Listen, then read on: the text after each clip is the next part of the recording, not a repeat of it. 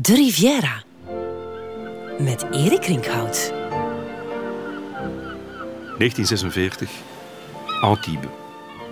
Pablo Picasso zit te schilderen in een gigantisch kasteel. Eigenlijk meer een burcht. De burcht, de oude burcht van de familie Grimaldi. Die oude burcht staat op de stadswallen van Antibes. En Picasso heeft daar een zeer grote ruimte ter beschikking gekregen om er te gaan schilderen. Hoe komt hij daar terecht? Wel, Picasso had in 1943, drie jaar vroeger, Françoise Gillot leren kennen. Een zoveelste verovering. Françoise Gillot is 21, 40 jaar jonger dan Picasso. En Picasso brengt haar, zoals zij dat met al zijn vrouwen doet, in een lastig parket. Want hij neemt haar mee naar het huis van een vroegere verovering. Doramar. Het huis staat in Menerbe, in de Luberon, in de heuvels, in het binnenland. En wat nog erger is, hij leest die jonge verovering, Françoise Gillot, elke avond de tedere brieven voor, die hij van een nog oudere minnares toegestuurd krijgt. Thérèse Walter, met wie hij een kind heeft en die dagelijks brieven naar hem stuurt. Noem het een soort emotionele en psychische terreur die Picasso met sardonisch en sadistisch genoegen uitoefent. En dat met al zijn veroveringen en al zijn vrouwen heeft gedaan. Gio zit daar niet graag, je zou voor minder natuurlijk, en vraagt of ze niet naar de kust kunnen gaan, want zij zou veel liever aan het strand, in de zon en aan de zee zitten. En ze haalt dus opgelucht adem als ze eindelijk naar de Côte d'Azur kunnen vertrekken en daar neerstrijken in Golfe Juan, een badplaats aan de kust tussen Cannes en Antibes. Dat is augustus 1946. Picasso en zij huren er twee verdiepingen van een kleine villa, die ze via vrienden hebben ontdekt. Maar al gauw heeft Picasso genoeg van het luieren, zonnebaden en zwemmen. Hij wil werken, hij wil opnieuw schilderen. Maar de plek waar ze zitten is niet groot genoeg om een atelier in te richten. Op een dag vertelt Michel Sima, een Poolse, bevriende fotograaf en beeldhouwer, dat hij misschien wel een goede plek kent waar Picasso zou kunnen werken. De directeur van het Musée d'Antibes, gevestigd in het voormalige kasteel van de familie Grimaldi op de stadswallen van Antibes, heeft onvoldoende middelen om zijn museum helemaal gevuld te krijgen. Er zijn wat memorabilia tentoongesteld van Napoleon, omdat die in Golfe-Juan landde op zijn terugkeer uit ballingschap van Elba. Maar de tweede verdieping van dat 16e-eeuwse kasteel staat gewoon helemaal leeg.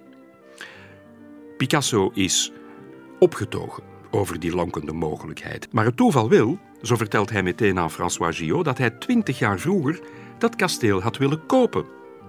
Het was toen eigendom van het Franse leger en het werd niet meer gebruikt. De Franse staat wilde het verkopen voor 80.000 Franse francs. Maar de stad Antibes had het weggekocht, net voor de neus van Picasso. Het was uiteindelijk toch nationaal patrimonium.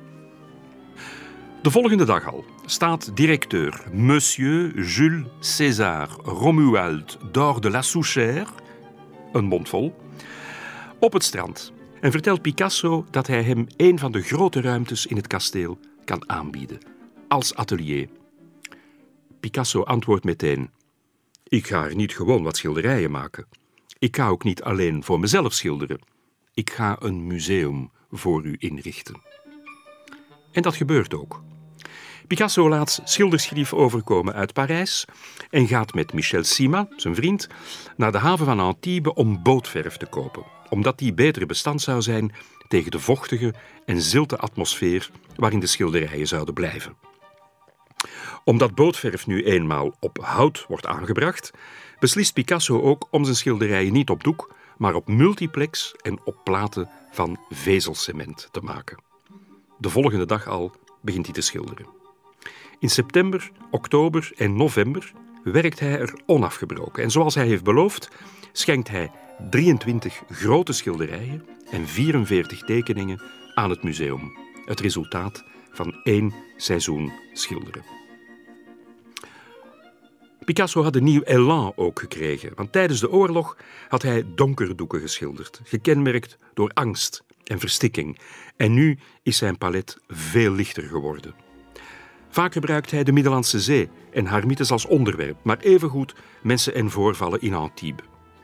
Zo is het portret van de vrouw die zeeegels eet, geïnspireerd door een lokale restauranthoudster, die na de vakantieperiode amper nog klanten heeft. Wanneer Françoise en Pablo er gaan eten, zien ze dat die dikke vrouw af en toe zelf een zeeegel opensnijdt en opeet. Anders wordt die toch maar slecht.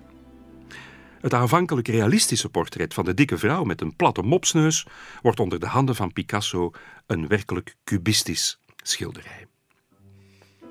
En François Gillot vertelt hem, bovendien, dat ze zwanger is.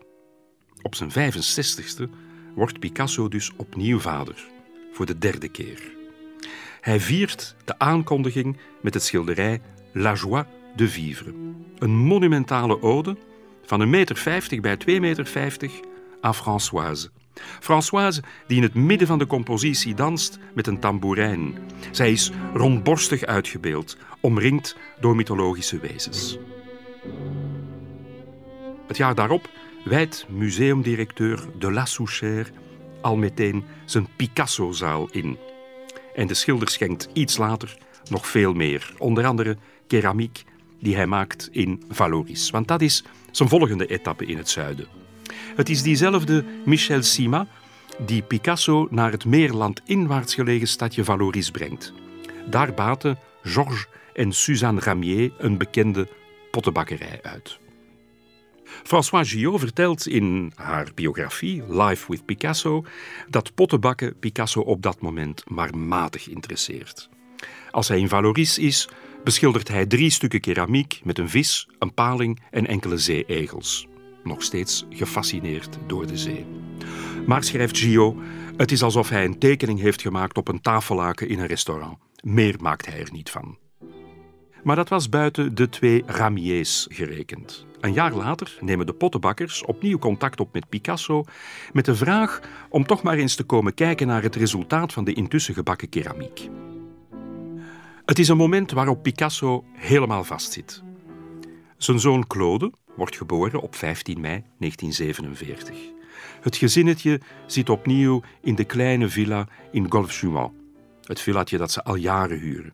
En Picasso kan dus weer niet schilderen en al helemaal niet op groot formaat.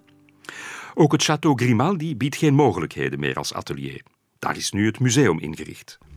Dus gaat Picasso maar al te graag in op het voorstel om naar Valoris te komen. Geef me iemand die me de technische kant van het pottenbakken leert kennen en die me ook helpt, en ik kom ernstig werken, zegt hij.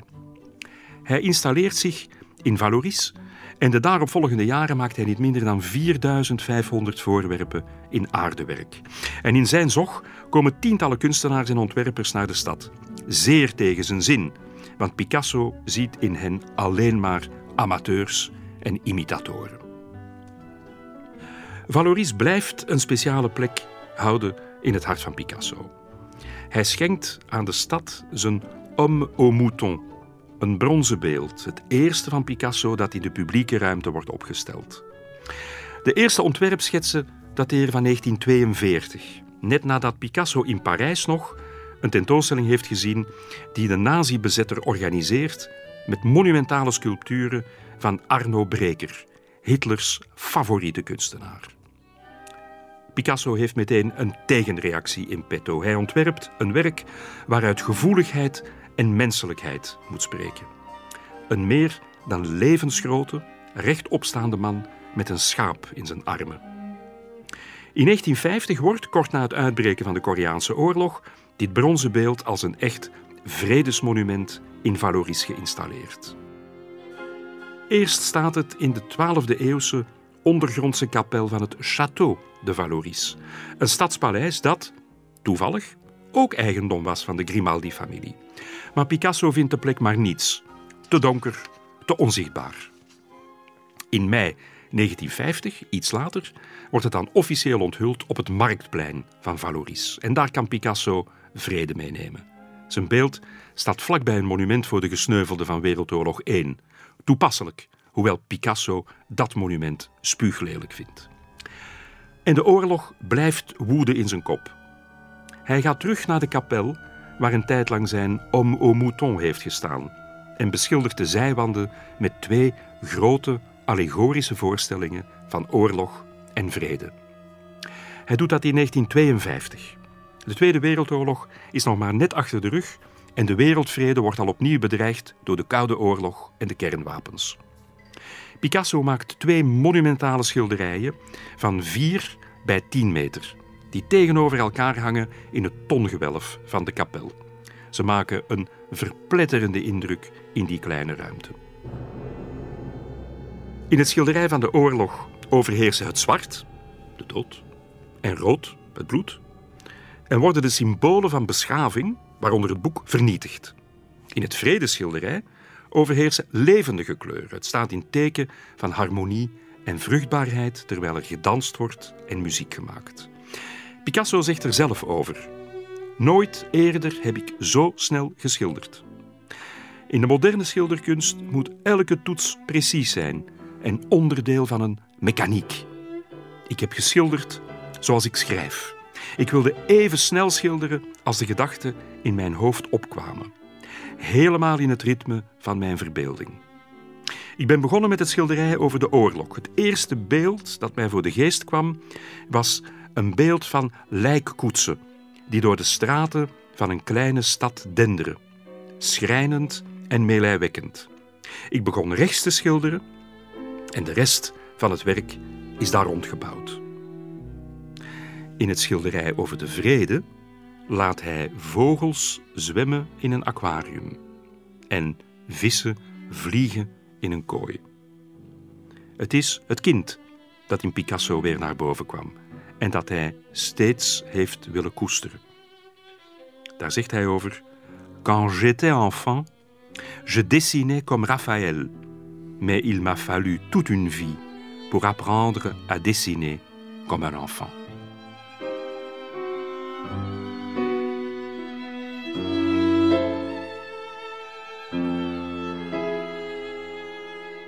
Valoris blijft een hoofdrol spelen in het leven van Picasso. In de pottenbakkerij van Madame Ramier ontmoet hij in 1952 een jong meisje.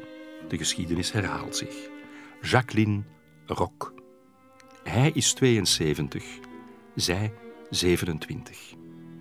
Er zijn al een hele tijd wrijvingen met Françoise Gillot.